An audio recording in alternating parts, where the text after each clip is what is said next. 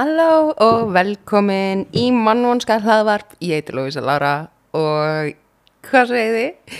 Þessi þáttur að koma svolítið seint en ég hafði virkilega góð ástæði fyrir þessu. Þetta, þetta bara, ég hef aldrei lendið þessu áður.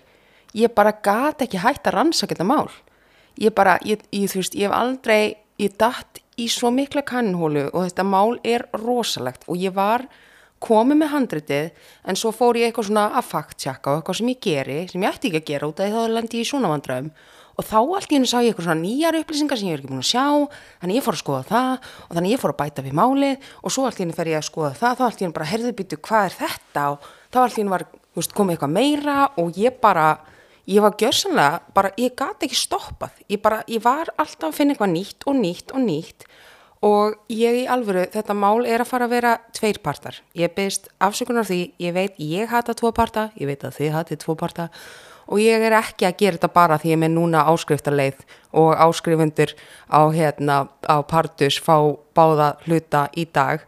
Ég, að, þetta er alls ekki eitthvað svona mín leið til þess að sníka ykkur í áskriftarleið. Þetta bara gerðist, ég held þetta myndi bara verið einn partur, þetta mál hefði geta verið þrýr partur, þetta mál hefði geta verið heil MF-ing Netflix-seria sko, ég er bara ég þurfti, ég, ég er að kjósa það að stoppa. Það er ekki að því ég er með allar upplýsingarnar á, á þessu máli, það er mun meira, en það var bara ég var hérna ég var sérsagt, ég loksins rakst á okkur svona kvót frá einum aðal rannsakanda á þessu máli sem sagði bara eitthvað svona ég gæti verið með fullt staff af laurugluþjónum rannsóknulegur að vinna bara þetta mál full time í þrjú ár og ég væri þá samt ekki með allar upplýsingarnar og þá var ég bara eitthvað, ah, ok, þá er hún lofísa hérna á Íslandi með googlið sitt ekki að fara að fá allar upplýsingarnar og ég verð bara að stoppa og ég verð bara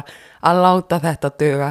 Tveir partar, ég ætla ekki að gera ykkur meira en hvuminn góður, ég er hissa að það er ekki þú veist það er búið að gera bíómynd um þetta mál sem að Judith Light legi og ég horfði á hana, hún var mjög lifetime delicious en hérna en þú veist, ef að einhver, þú veist, ég skil alveg ég, ég var að hugsa bara svona, áhverju er þetta ekki Netflix-seria eða þú veist, svona heimildarseria og leikin þáttaruð að þetta er svo rosalegt mál. En svo hugsaði líka, þú veist, ef ég myndi sjá þessa mynd og ekki vita að þetta var byggð á sannsögulegu máli þá myndi ég vera bara eitthvað, ok, hvaða vittlesingur skrifaði þetta handrit þetta er einhver sem kann ekki að skrifa handrið því þetta er svo fáránlegt mál að þetta bara meikar engan sens. Þið munir komast að því þegar ég fer betur inn í málið og ég ætla bara að fara að koma mér í það en þið munir skilja hvað ég er að tala um. Einhver er eflust ekki þetta mál, þetta er samt sko, ég held að þetta sé svona, þeir sem eru super super true crime fans hafa mögulega heyrt einhverja útgáð þessu máli en ég var einmitt búin að heyra útgáð því en ég vissi ekki allt þetta sem var í því, þú veist, og ég er ekki eins og að fara að segja ykkur allt, það er meira, ég bara hafði ekki plássurir allt sem ég lærði. En hérna, en þú veist ég, ég er alveg svo hissað að þetta er ekki frægar mál, þú veist, ef þetta myndi gerast í dag þá held ég að þetta væri gjörsamlega út um allt, sko, en þetta er þetta gerir svona 70's og 80's svona mest í málinu þannig að ég held að það sé ástæðan fyrir þetta er ekki alveg svona superfrækt mál. En ég vil líka áðurinn í byrja í málinu taka bara fram að að því að þetta gerist, þú veist, uh, það er svo langt síðan þetta gerist, það eru fullt af upplýsingum um þetta mál en þar eru bara, tímalínan er á bara súper miklu reiki. Þú veist, ég var, var að reyna að gera mitt besta, ég hafa þetta eins bara sannsögulegt og ég gat, en það er eiginlega bara ekki hægt í þessu máli, þannig ég fór eiginlega pínu bara að skrifa þetta eins og þetta meikaði sens í söguna fyrir mig. Þú veist, ég var kannski, það var eitthvað atvik sem að ég les að gerist þarna, þú veist, eitthvað ár og svo les ég aðra heimildi að, að þetta gerist veist, fjórum án setna eitthvað. Og ég eitthvað ok, ég veit ekki veist, ég reyna að finna og reyna að finna hvartir í flestu en þá er þetta bara einhvern veginn út um allt og enginn er sammála hvernig þetta gerðist. Þannig ég fó bara að setja þetta eins og þetta meikaði sens sögulega séð veist, þannig að kann, ég ég reyni alltaf að koma bara með staðrindir og vera ekki að gera mest jús í söguna en í þessu máli þá bara að því að þetta er svona út um allt þá hugsa ég bara, herru, ég skrifi þetta bara eins og þetta meikar sens sögulega séð ef ég var í sögumæður en þessi saga meikar samt ekki sens sögulega séð að því hún er svo undaleg þannig að fyrsti parturinn er að fara að vera svona þegar ég er að fara að vera eitthvað svona, já þetta er hljóman eins og eitthvað sem ég að þetta er svolítið típist. En svo þetta tekur svo miklu uppið í part, part 2 og það er bara eins og ég hefði skipt um spólu og það er bara önnur mynd í gangi og, og við erum bara þykjast eins og þetta er sama saga, þú veist, þetta er rosalega skrítumál. Allavega, ég ætla bara að byrja á þessu, losa mig úr þessum heimi, þetta er gjörsanlega, eins og segi, ég hef aldrei verið, ég er búin að vera í margar vikur uh, í þessu máli, bara alltaf eitthvað, æg, þú veist, og ég er alltaf, ég er meira svo búin að setjast eins og niður og taka upp þennan þátt og svo var ég eitthvað svona, æ, herðu, ég vil bæta við þessum upplýsingum og þú veist, þetta er bara, já, þetta, hérna, já, þið skiljið þið í byrja, ok. Við ætlum að byrja þetta árið 1933 í Blue Mountain í Alabama í Bandaríkjunum. En kreppan mikla er að herja á alla og kreppan er að hafa veruleg áhrif á alla landsmenn. En Huey og Lucille Frazier eru komið með gott starf í línversmiði í bænum. Þau vinna mikið og lifa svo sem engum luxus en þau ná að borga alla reikninga og sjá fyrir sjálfum sér. Lucille hafði unnið síðan hún var 13 ára gömul og aldrei tekið frí nema þegar hún varð ólétt og árina, árina áður en því miður misti hún fóstur og það brauð hjartað í Huey og Lucille. En Lucille gæti nú ekki verið að velta sér upp úr því hún þurfti bara að halda fram að vinna, svona var þetta, það var kreppa í gangi, hún þurfti bara að halda áfram með smjörið. En árið setna komst Lucille að því að hún var aftur ólétt. Huey og Lucille voru rosalega spennt en heldu þó aftur væntingum út frá fyrri reynslu. En í 4. júni 1933 fættist kraftaverkabatnið þeirra. Stúlka sem þið nefndu Audrey Marie. Ég óvart skrifaði í 4. júni 1993 fættist kraftaverkabarnið þeirra.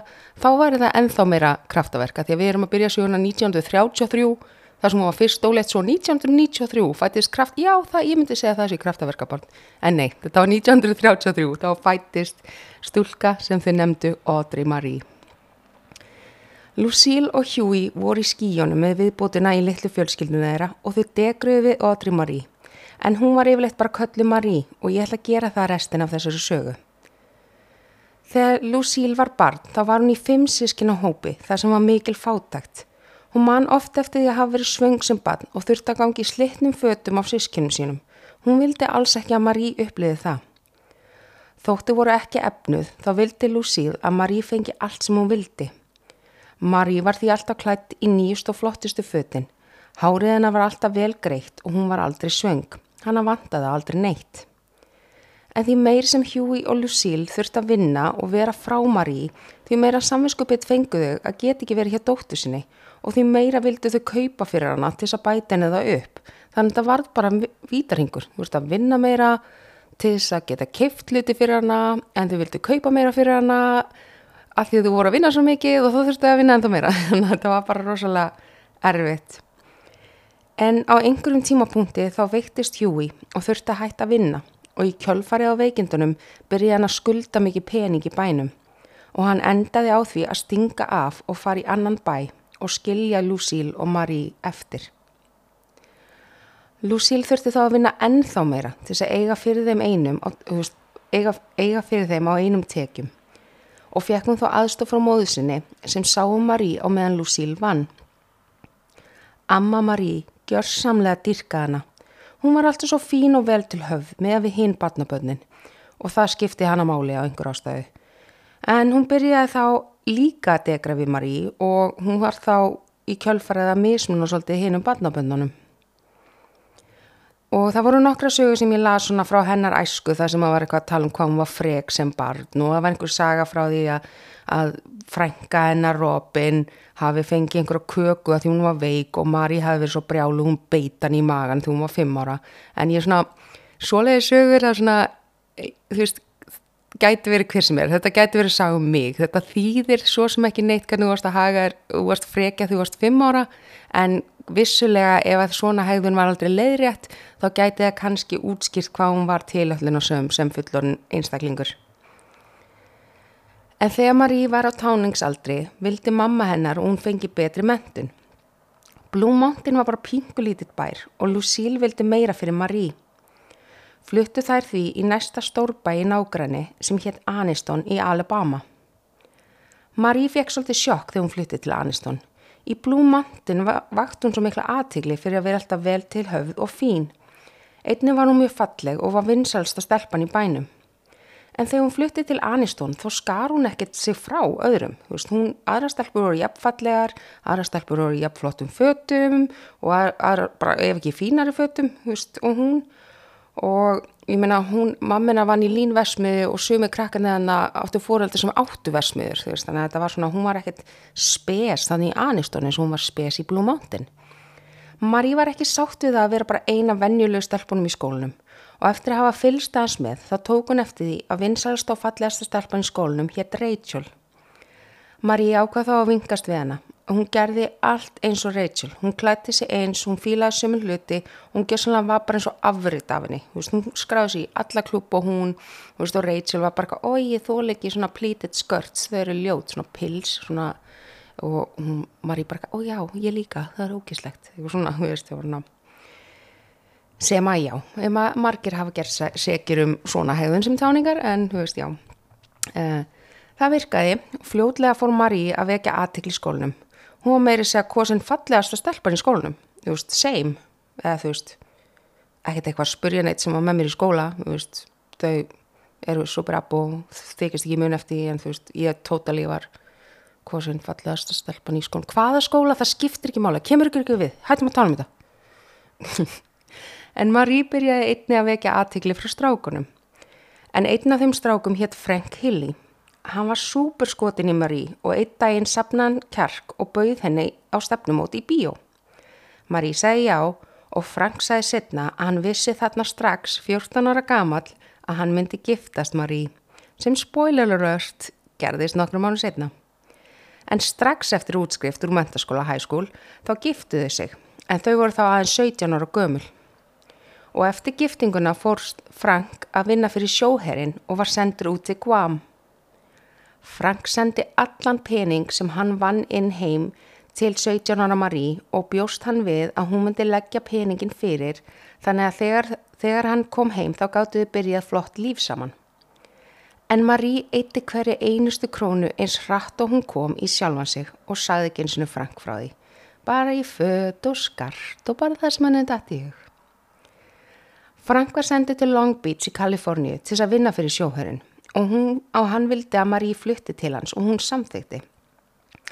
En þegar koma því að Marie átti að koma til hans þá ringd hún í Frank. Hún sagði hann þurft að senda henni pening fyrir flugfærininnar. Frank var bara, hvað meinar þú? Ég er búin að vera að senda þér allan peningi minn í hverju viku. Hvað meinar þú átt ekki fyrir flugmiðanum? Marie sagði hann um þá bara, ég, þú veist, ég eitt öllum þessum pening, þú veist, þú sagði mér ekkert eitthvað sérstaklega, ég átti eitthvað að leggja hana pening fyrir, þú veist, hvernig átti ég bara að vita það? Frank var, þú veist, ekkert eitthvað sáttur en hann hugsaði að þetta væri nú bara samskiptavandamál og vissulega sagði hann en ekkert sérstaklega, hún átti að gera þetta. Þetta var bara miskilingu sennilega. Hann fekk þá lánaðan pening frá fóldur sínum og Marie flutti til hans til Long Beach. Marie lísti í setna að tíminn þeirri í Long Beach var sá hamingjusamasti í lífi þeirra en það endist ekki lengi því Frank var stuttu setna sendur aftur til Aniston, Alabama og þurftu þau þó að flytja tilbaka. En parið átti ekkert sparifið og þau voru ekki með mikið á milli handana. Frank fann sér vinni í útflutningsfyrirtæki og Marie byrjaði að vinna sér reytari hjá lögfræðing. Þegar þau flyttið tilbaka til Aniston þá fann Frank lítið hús sem þau höfðu efni á en Marie var ekki ánægð. Þetta var bara allt og lítið fyrir hana. Frank samfæðana samt bara þetta er fyrsta heimili og við kaupum starra húsitna þegar við eigum mikið meira sparifið. En strax og þau flyttin, bara svona viku og þau eru búin að búa þarna, þá byrjaði Maríja að kvarta. Bara hvað er nýja stóra húsi mitt? Þú sagðir ég myndi fá starra hús. Frank reynda að róa frúna, bara þetta er það sem við höfum efna á akkurat núna, við höfum ekkert efna á meira akkurat núna. Og Marí var ekkert eitthvað sátt, hún bara þú erst búin að lofa mér. Og hann er eitthvað, já við getum ekkert gert þetta strax, þú veist, þú verður aðeins að býða og en hún ákvað þá bara, veist, ok, ég skal búa í þessu litla ógisla húsi. Og við vitum ekkert, þetta var örglega ekkert eitthvað lítið hús, en hún var bara með svona, já, hún var með kröfur, þannig að ég skal búa í þessu ógisla húsi. En þá bara heimta ég að ég verða að fá endurinn rétt allt henni heima. Ég verða að gera þetta þá bara að mínu og gera þetta flott lítið pínu ponsu og geðs hús. Og hann, uh, Frank, samþykti. Hún réð þá frægan og dýran innanhús hönnuð til að koma hjálpin að finna flottustu og dýrustu húsgögnin. Vinir og fjölskylda Frank og Marie fannst þetta svolítið bara heldur mikið. Þú veist, þau hefði ekkert efni á þessu. En Frank sagði bara eitthvað, ægi, þú veist, svona er Marie, hún eigðir alltaf meira en ég næja afla. Árið 1952 egnaðist Marie són þeirra sem þau nefndu Michael. Allt leitur ósla vel út að utan hjá fjölskyldinni. Michael litli var fullkominn og Marie var alltaf svo falli og vel til höfðu og alltaf í dýrust og flottustu fötunum. Frank var rólugumadur en myndalugur og kurteis og alltaf svo vinalegur við alla nágrannina og hann var einnig að standa sig virkilega vel í vinnu og var stöðut að vinna sig upp. Að utan virtistu eins og fullkomum fjölskylda en á bakvið þetta var mikið peningastress. En Frank virti samt ekkert eitthvað ósáttur. Þegar vinur og fjölskylda nefndi þetta við hann þá brost hann bara og hann sagði bara ægi þetta er hún Marí, hún er bara best í því að eigða pening. Ég er reynda líka mjög góð í því en ég, kannski ekki best, mér finnst því að Marí sé betri en ég að eigða pening. En hann þurfti því bara að vinna meira til þess að eiga fyrir henni. Árið 1960 eignuðu svo, þau svo seitnabarni sitt en það var stúlka sem þau nefndu Carol. Eðslan var því ennþá meiri með seitnabarnira en maður, uh, æjá ég ætlaði nú ekki að hafa þetta með en ok. En Marí, hún átti eina vinkonu, þú veist, hún átti ekki marga vinkonu, hún var ekkert eitthvað svona vinsali á kvennpenningnum, sko.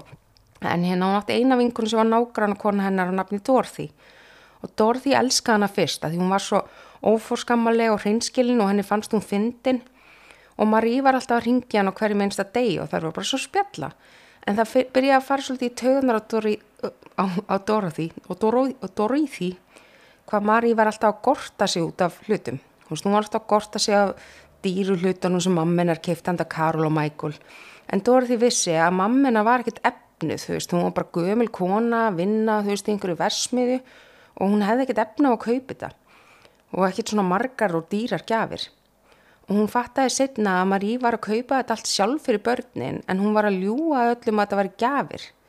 Og hún byrjaði svolítið svona að minka vinskapsinu við Marí að því henni fannst þessa legar bara rosalega óþægilar og í gegnum árin hjælt þetta áfram uh, en Frank vann sig upp hjá fyrirtækinu sínu og var að lokum orðin formaður en Marí var einhvern veginn alltaf að missa vinnuna sínar og þurfti að byrja aftur á nýjum stað. Það byrjaði alltaf eins, þú veist, það elskuði hann allir í byrjun en svo byrjaði hann svolítið að sína sönnu litinu sína, hún var, var alltaf að ásaka eitthvað fólkum að vera eitthvað á mótenni og hún var bara búið til svona eitrað vinnu umhverfi þannig að hann var yfirleitt bara sleft af vinnustaf. Marí var að sapna upp skuldum út um allan bæ og hún leiði sér að meira segja postbox og reikningar hennar myndi fara í postboxið svo Frank myndi ekki sjá þá. Og hún var ekkert eitthvað að borga þessar reikningar setna, hún var bara að sapna þeim, þú veist, bara eins og Pokémons. Það voru einni orðrómar um að Marí var að slá sér upp með ríkum viðskiptumöðunum í bænum. Nokkri þeirra voru gefinni dýrar gafir og kaupa skarkgripi og född og eitt þeirra kifti mér þess að hest handa Kerol dóttir hennar.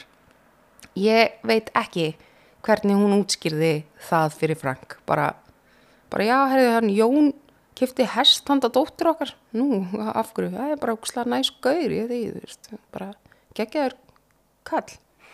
En þú veist, það er óvíst hvort að Frank hafi eitthvað vitað af þessu eða gruna þetta, eh, en líklegast gruna hann eitthvað því að svipum tíma byrja hann að þróa rosa mikið alkohólvandamál.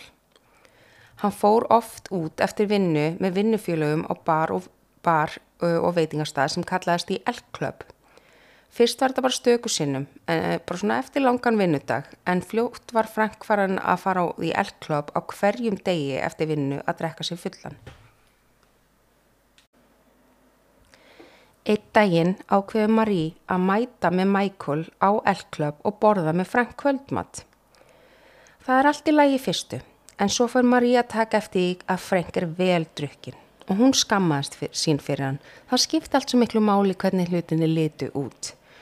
Og hún fílaði ekki hegðunum hans og þau fara að rýfast á veitingastanum. En þegar þau voru farin að hækka rómin heldur mikið þá ákveðu þau að það var nú komin tími til þess að fara. Marie fer að ná í bílinn og meðan Frank og Michael býða á bílastæðinu.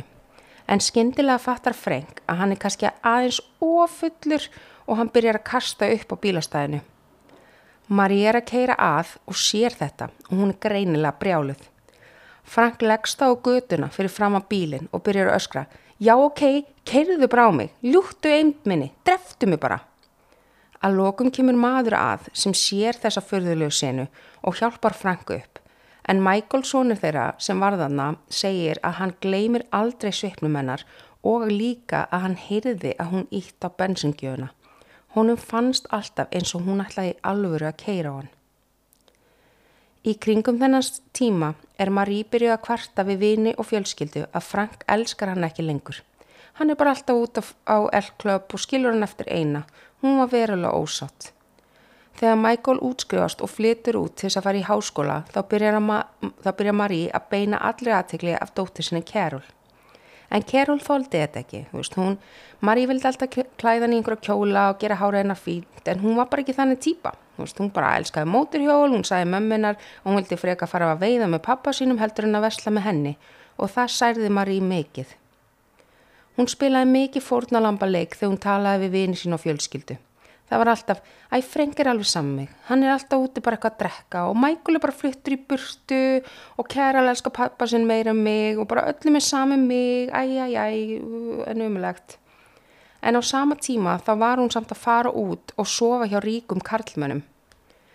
Karol mann eftir að hafa farið oft með mömmu sinni til, sem barn til viðskiptumann sem átti risa hús og sundlög og fekk hún að leika sér í sundlöginni á meðan mamma hennar og hann voru inni að spjalla innan gæsalappa.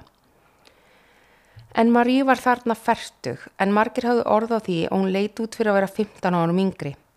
Hún var með rosalega kynferðslega orgu og daðraði mikið og fólk í bænum að byrja að slúðra en þú veist líka út af því að hún skuldaði ótrúlega mörgum pening í bænum. Þannig að það var, var mikið til svo slúðurum hann að Marie á þessum tíma. En Frank byrjaði allt í hann að verða veikur. Hann skildi ekkert hvað er í gangi. Það skall allt í hann á hann einhver þessi bara einhver veikind, einhver rosa veikindi og hann bara svaka pest og hann var orkulítill og var að kasta upp og með magakrampa.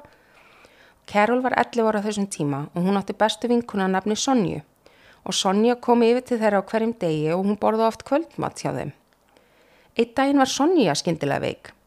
Engin skýring fannst á veikindum hennar. Hún var bara verru og verru með tímanum. Hún átti erfitt með gang og sjón og hún var senda spítala en ekki var hægt á bjarginni og hún dó. Læknar töldu hún hafi fengið síkingu út á vírus og látist en mammenar fannst þetta eitthvað svo skrítið. Sonja var alltaf heilbreytt batn og það var aldrei eitt vesen á henni þar til þetta gerðist. En við ætlum að geima þetta aðvik, það skiptir máli setna eða ekki, ég veit það ekki alveg.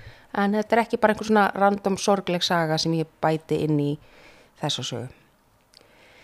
Eitt daginn er Frank í vinnunni og hann er búin að vera svolítið slappur en svo byrjar hann að vestna hann er orkulítill og hann bara líður hræðilega og hann bara, eina sem hann vil er bara leggjast niður. Hann fær að fara heim úr vinnunni og hann reynir að koma sér heim eins fljótt og hann getur. Hann einhvern veginn nær að keira heim án atvika. Og hann kemst að hurðinni og treður liklunum í og hann bara oh my god ég bara verð að komast upp í rúm. Ég er að drepast. Hann loks kemst inn næra drösla sér upp í svefnherbyggi og skellir sér á rúmið og lokar augunum. Oh guðsilof hann er komin upp í rúm. En Frank finnur samt eitthvað. Það er eitthvað í gangi. Hann finnur að það er fólk í rúminans hann meika valla að opna augun og kíkja hann er svo sár þjáður en hann verður að gera það, hann verður að sjá hvað er í gangi. Hann opnar því augun og lítur til hliðar og þar sér hann Mary konuna sína og einn viðskiptmannin í bænum vera nakin vandraðlega að reyna að koma sér úr rúmunu.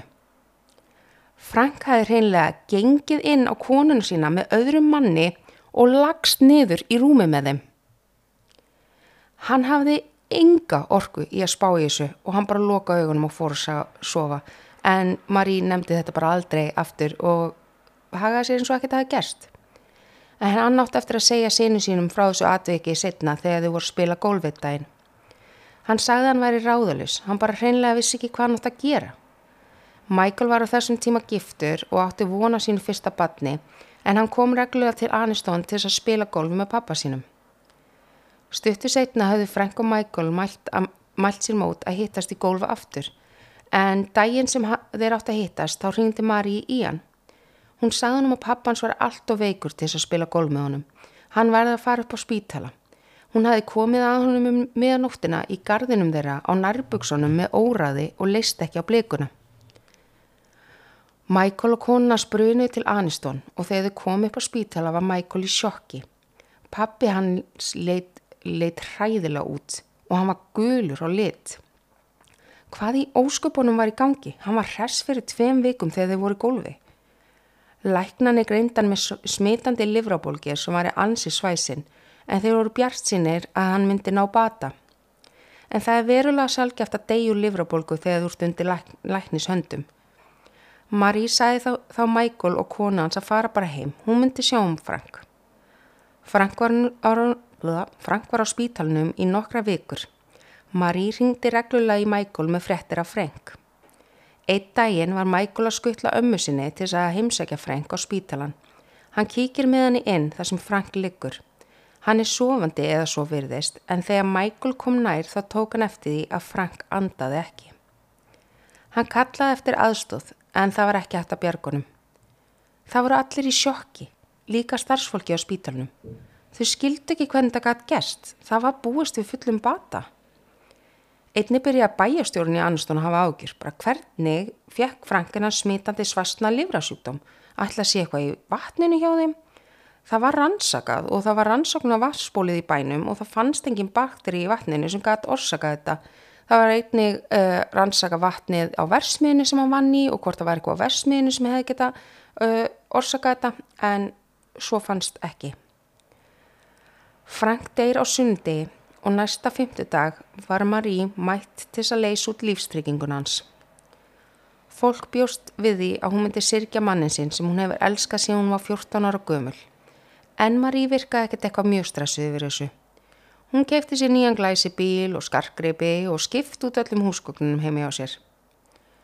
Michael og óletta konans voru farin að mæta oftar til Aniston og fari heimsótt til Marie á meðan hún var að sirkja og ég sett sirkja í gæsalappir að því eins og glöggir hlustendir voru búin að átta sig á þá hafi Marie eitrað fyrir Frank. Hún var búin að setja arsenik í matin hans í yfir ár sem olli honum einstaklega miklum vanlíðan og sársöka þar til hann að lokum deyr.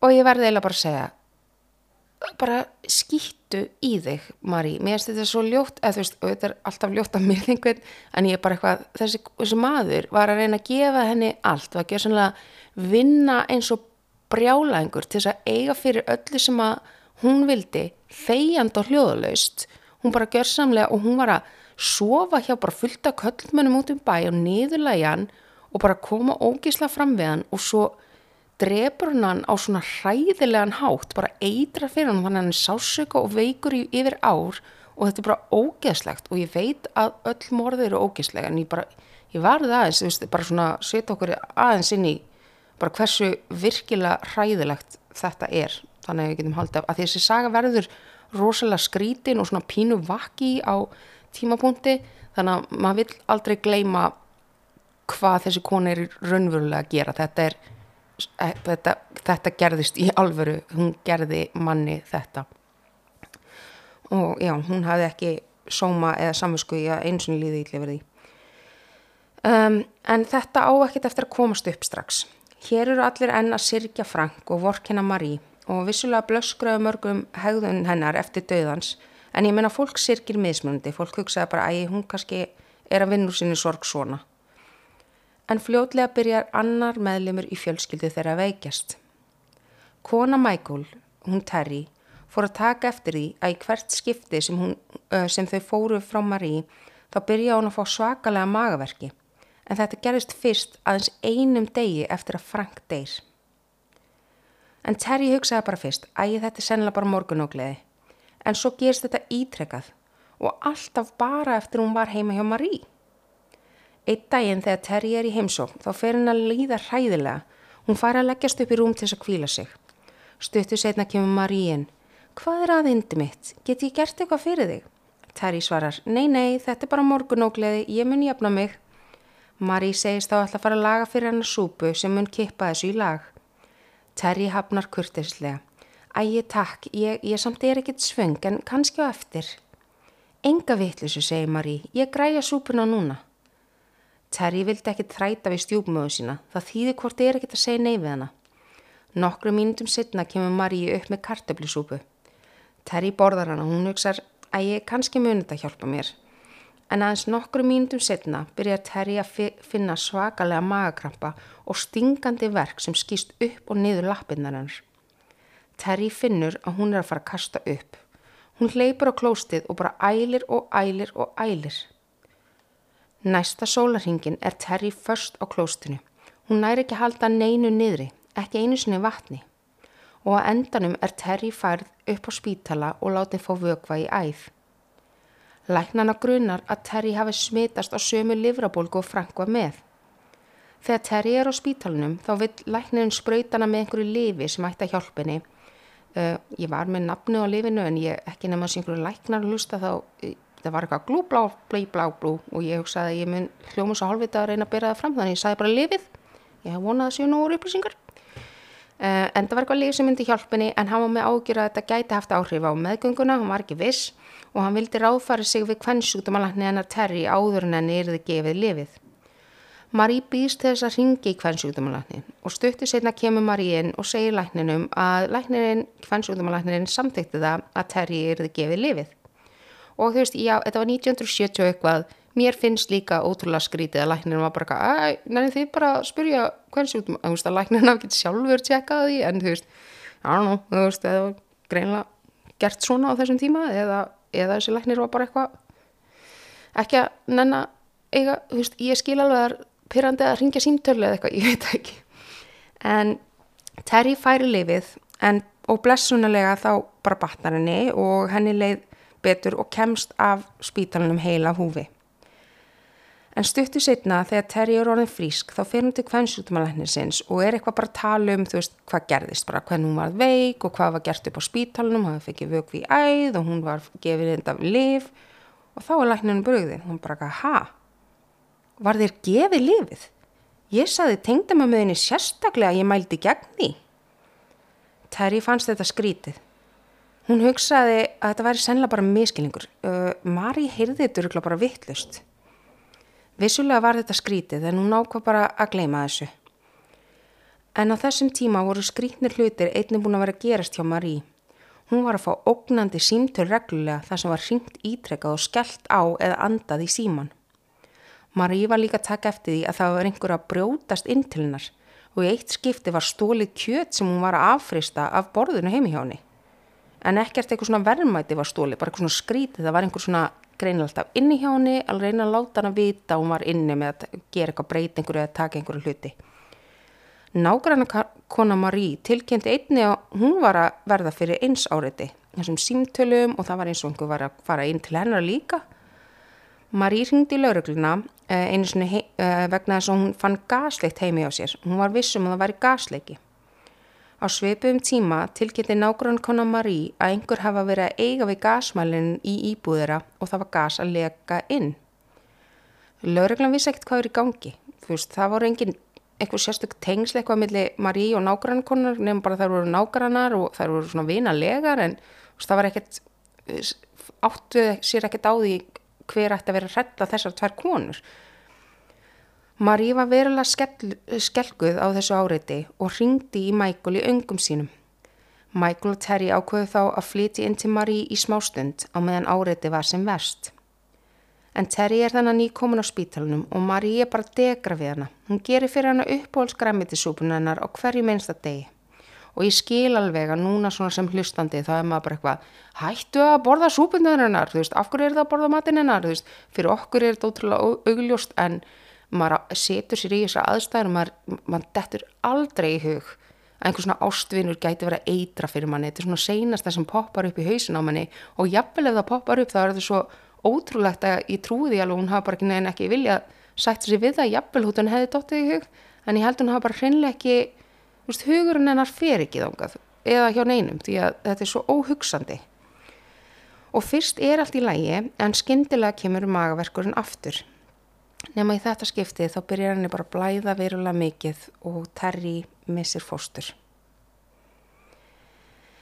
Ég ætla líka að taka fram hérna, uh, þetta er mjög ræðilegt og líklegast var Marie sérst, að eitra fyrir Terry en við erum svo sem ekki minn eina sannanir um það þú veist að því að þegar þetta komst upp þá náttúrulega var liðin alltaf langur tími til þess að kanna uh, Terry fyrir eitrun í blóðinu hennar þannig að það er ekki við gætum alveg sagt að þetta sé ótengt en um, já, maður kannski það er mjög ólíklegt að þetta er ótengt mál þannig að þú veist, já þótt að sé ekkit staðfæst með sönnunum að Marie hafi verið að eitra fyrir Terry þá eru við nokkuð vissum að við vitum hvað er í gangi hérna.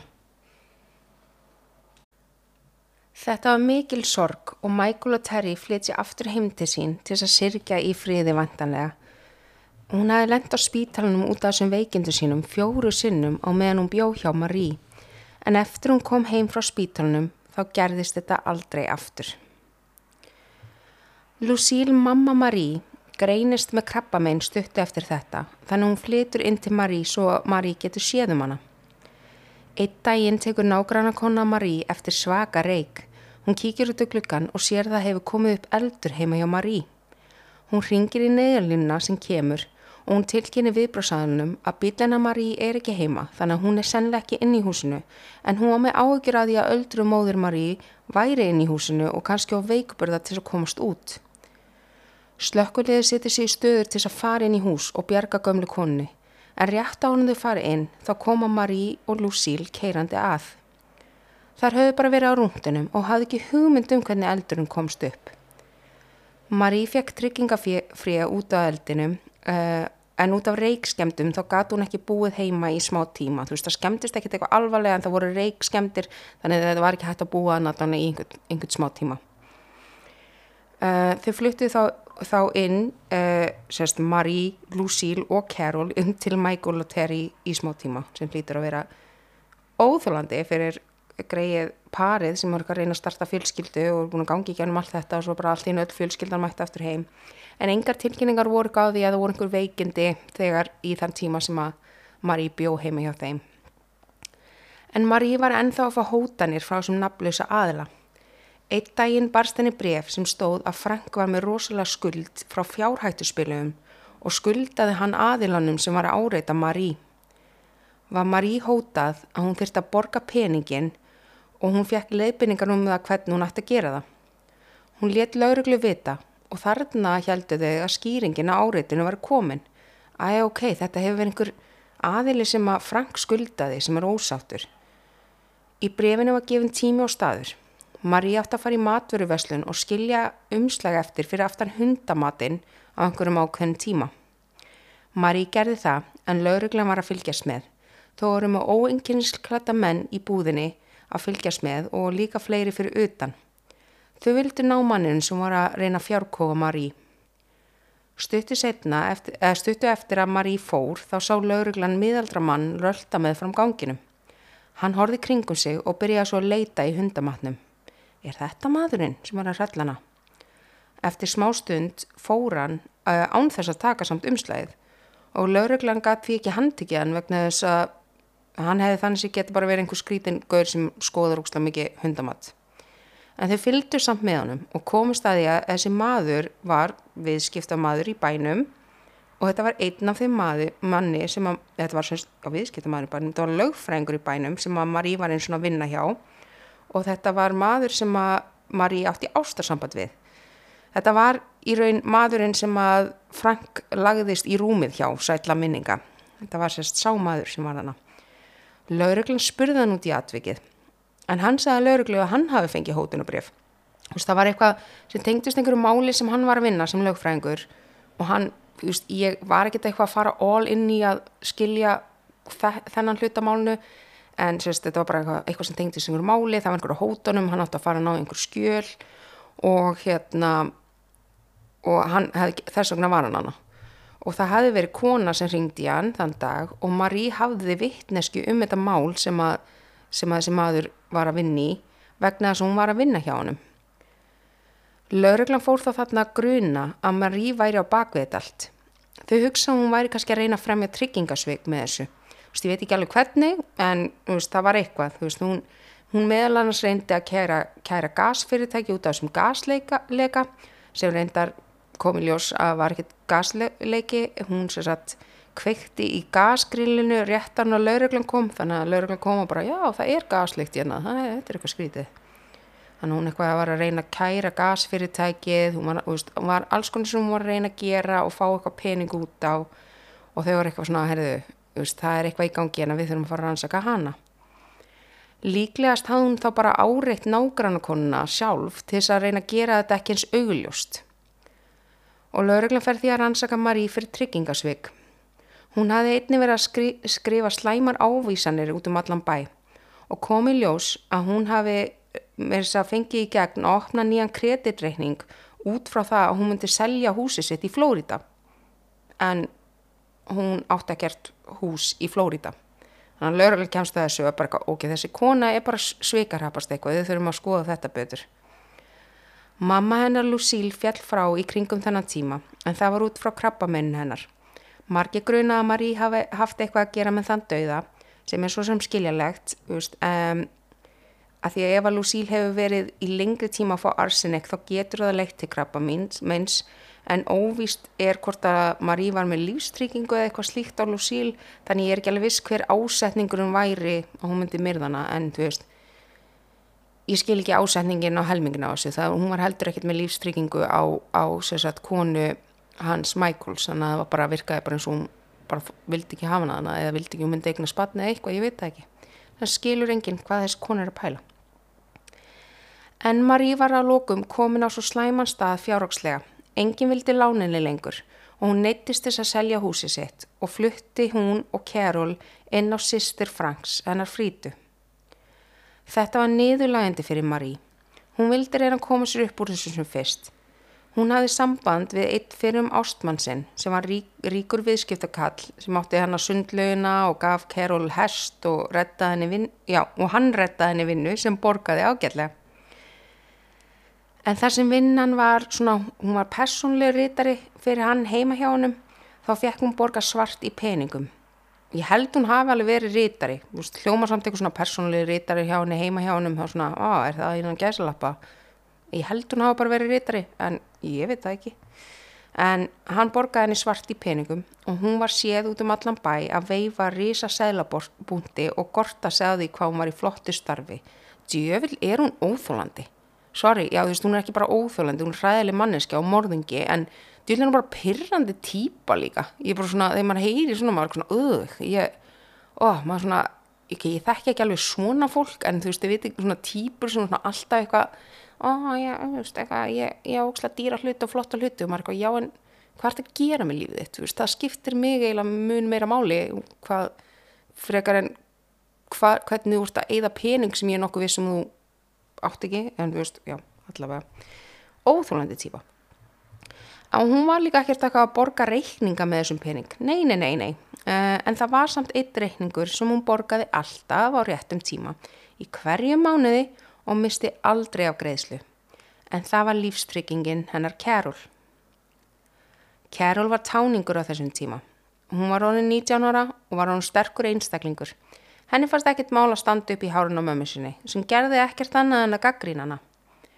Marí var ósatt með því hvernig Kerul krætti sig og hvað hún var seint úti og hún reykti gras sem ég skil að vera peruð yfir því svo sem við batni eitt og svona alveg burt sér frá mínum skoðunum um 420 og hvað ég ætla ekki að þú veist, mér alveg það nú er ég alltaf inn að koma með persónulega skoðunum um eitthvað eitthva málefni, nei, nei, nei, ég er með enga skoðunar á neinu, ég er ekki að dæma það, ég er bara að skilða sem mamma að ef að batnið þetta er eitthvað alltaf úti eitthvað reykja kannabis og senkt úti að þá skil ég hún sér ótsatt með það.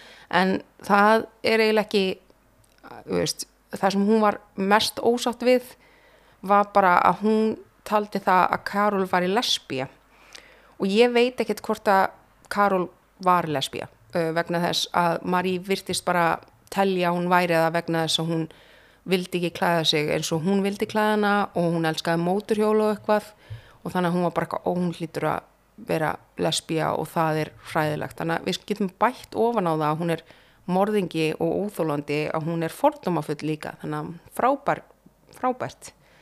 En hérna, já, uh, en þótt að Carol og Marie rifist mikið á þessum tíma þá elskaði Carol mömmu sína. Þú veist, þetta var bara tímabil og Carol var bara að reyna að finna sig og mammina var ekki sammála og hún er náttúrulega táningur þannig að hún er, þú veist, að vera aðeins dramatískari en hún þarf að þið skilji, þú veist, hún hataði ekkert mömmu sína þvert á móti, þú veist, í hennar huga var þetta bara eitthvað svona tímabil og eitthvað ósætti, þetta var ekkert eitthvað stórmál. En Marie sá þetta ekki þannig. Hún bara virkilega þóldi ekki Carol og hvernig hún ólýnaðist henni. Carol var að láta hann að líta illa út. Hún talaði mikið við Michael og vini sína um hvað Carol var vond við hana og hvað hún var ósátt með hana og hennar kynneigð. Og viti menn, byrja ekki Carol að veikjast stuttu setna. Sömu einkenni, svakalegi magaverkir, hún var máttlaus og gata ekkert lappað. Hún gata ekkert borðað og hún grendist rosalega. Læknanir skildi ekki hvað var aðinni og þau heldur þetta væri mögulega sálrænt. Þau töldu að Carol var í þunglind og var með ádröskun og var hún því send á geðspítala. Marie heimsætt sóti Carol oft á geðspítalan en Carol bara virtist alltaf vestna og vestna eftir hún kom, sjokker. Eh, læknir á geðspítalunum fer að gruna að þetta gæti verið einhvers konar eitrun og segir Marie það og þá fer hann í uppnám. Henni fannst þau ekki verið að hjálpa dóttir sín nú og hún segir að hún vil bara leysa hann út af geðspítalunum að því að bara, þeir eru ekkert að hjálpa, þeir eru bara, bara, já, þú veist, hún er bara vestna og vestna og þeir eru bara, þetta er bara eitthvað bull og ég ætla bara að taka hann út. Og Carol skánar um tíma þegar hún fer heim en þetta kemur samt svona í bylgjum. En einn daginn þegar Carol var að hjálpa að pakka niður gamla húsinu þeirra sem hafi verið selt, þá fann hún bref sem var stílað á mömmu sína. Brefi virkaði dölafullt og það vakti áhuga. Hún ákvaði að opna það og lesa. Í brefinu stóð. Marie, það er eitthvað sem ég finnst þú þurfur að vita. Allir sem höfðu tækifæra á að segja þið frá þessu hafa nú fallið frá. Þú fættist sem einægja tvýburi. Pappi þinn Hughie Fraser var tvýburi og hann trúði að hafa verið alin upp með bróðu sínum Louis gerði hann verulega óhæmingi saman. Stanslösta keppnin, deilda aðtiklin, það var gert upp á milli. Hann vildi ekki að dætur hans erðu eins óhæmingi sömar. Stuttu eftir að þú og sýstir þín fættust þá gaf hann annað badnið til ættingja í Texas, tvíbröðsýstir þín. Hún hefur búið í Texas alla æfi sína en nýlega dó maður hennar í bílstissi. Ég held hún sé núna að fara að giftast aftur. Hjúi vildi að allir í fjölskyldinu heldu þessu lindu en sem náinn ættingi þá tók ég eftir svolítið um þig. Þú varst alltaf óhamgisamt bann og ég veldi fyrir mér hvort þú hafi fundið fyrir missinum af hinum helmingnu þínum. Og nú þau ert eldri, þá eru þeir sem heldur leindamálunu fallnir frá. Kanski mun það hjálpa þér á einhvern hátt að vita að þú ert ekki einn, þú ert ekki byluð og ef þið finnst þú vera tóma innan, þá er það kannski að þú saknar hins tvíburastins. Hæ? Á mamma tvíburasýstir? Hvenar komst hún eiginlega að þessu? Akkur, akkur sá hún mér aldrei þetta? Ætli hún hafi hitt þessa sýstir eða hún búin að hafa samband við hana? Kerul var með margar spurningar og þiði eflaust líka. Hvað í óskupunum gengur á hérna? En þið muni komast að því í næsta þætti en ég er að skilja ykkur eftir með svaka kliffhengar. Ég byggst afsökunar á því. Hver er þessi týpuri? Er Marí kannski bara saklaus og það er einhver yllur týpuri að hlaupa út um allan bæ að svíkja og pretta? Hvað verður um Kerul? Hún er greinlega núni í hættu og hvað mun gerast þegar þetta allt kemst upp? En treysti mér þessi saga mun fara eitthvað allt annað en þið getið mögulega giskað. Þannig að ég vonaði komið tilbaka í næstu viku og hlustið á tvo part 2 í skrítnasta máli sögunar um konuna sem enginn skilur, Audrey Marie Hilly. En partur 2, eins og ég sagði, þetta er eins og ég bara hefði óvart skipt um spólu eða þú veist, í miðjumáli. Þetta verður svo skrítið, þetta er ekki að fara að vera bara einhver fyrðuleg réttarhöld eða eitthvað. Þetta er bara, það er svo mikið eftir í þessari sögu, svo mikið sem á eftir að gerast og þið getur hlusta strax á part 2 í áskriftarlegin á partis.is eh, skástrík mannvonska. Eða bara býðu þar til næstu viku, ég ætla að fara að taka upp part 2 núna. Og hérna, já, þetta, já, ég get sagt ykkur það, þið, þið getið svo sem alveg googlað restin á sögunni en ég er það miklu skemmtilegra að heyra þetta bara svona. Og líka ef þið reynið að googla restur á sögunni þá þið hafið eftir að taka langa tíma. Ég get sagt ykkur ég var mjög lengi að afla upplýsinga um þetta mál þannig að hver nenni því? Býðið bara eða farið í áskrift. Og hérna já ég, ég ætla bara að segja þetta gott. Um, ég ætla núna uh, áður en ég fer þá langaði mig bara aftur einmitt ég er búin að, þeir eru búin að heyra nokkur sinnum hérna frá áskriftarlegin á partus.is en inn á hana, þú veist, ef þið skráðu ykkur í áskrift þá fáðu auðvitað alltaf uh, aðgang ef það eru túpartirar sem ég ætla að reyna að gera sem minnst af en þá fáið þið alltaf náttúrulega aðgang á báðum partunum í einu. En annars þá fáið þið uh, sérst einn auka þátt í viku þannig að það eru fjórir þættir á mánuði. Eins og er eru komnir tveir áskriftaþættir inn. Uh, ég spilaði sínusotnið á einum þættinum sem þið gætið hlustað á sem var hérna uh, mannránsmálið.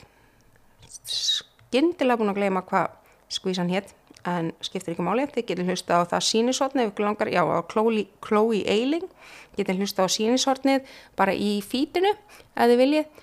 Og núna eftir þessi bú, þáttur er búin þá getur þið auðvitað bara slögt á hann núna ef þið viljið ekki heyra meira. En ég ætla, ég ætla að uh, posta smá sérsagt sínishortni úr áskriftaþætti 2 sem er um Dominic Russo og Davion Flanagan. Þannig að uh, núna er þátturum búin en þið heyri smá klippu úr áskriftaþætti 2. Komið í næstu viku, hlustuð á part 2. 30. júli 2022. Klukkan er 6 um morgun. Neiðalínni í Ohio berst símtal til... Neiðalínni í Ohio berst símtal til neiðalínnar. Jésús Kristus. Það er greinlegt að ég er ennþá að gera mín eigin rannsóknir. en það berst símtal til neiðalínnar í Ohio var það sem ég var að reyna að segja um, vegfarandi hafi komið að hræðilegu bílslisi Lauruglan kom á vettvang og sér einstaklega illafarin bíl sem hafi klest á stóra músteinsbyggingu Viðbraksaðilega sjá að í bílnum eru tveir ungir menn og ung stúlka sem er í bílstjórasætinu. Þau eru öll först í bifriðinni og ekki með meðutund að það virðist. Unni var, var í að losa þau öll úr bílnum en því miður var ljóstrax að menninni tveir voru báðir látnir. Stúlkan í bílstjórnsætunni var blessunulega enn á lífi en meðvitundalauðs. Þegar viðbróksaðalar reyndu að losa stúlkunni bílnum þá takaðu eftir því að stúlkan er klætt í lona Gucci inniskó en er ennþá með fótinn sinn á bensingjöfni hafði stúlkan aldrei reynd að stöðva bifriðina. Lauruglan klóraði sér í höðunni yfir þessu undarlega slisi. Var þetta raun að vera slis? Hvað í ósköpunum gætt leitt að þessu? Lauruglan hóð því rannsókn á málinu og niðurstaða mánsins hefur verið ansi umdelt í bandaríkjanum og hefur klófið netverja. En hverju voru þessi þrýr einstaklingar sem voru í bílnum þetta kvöld?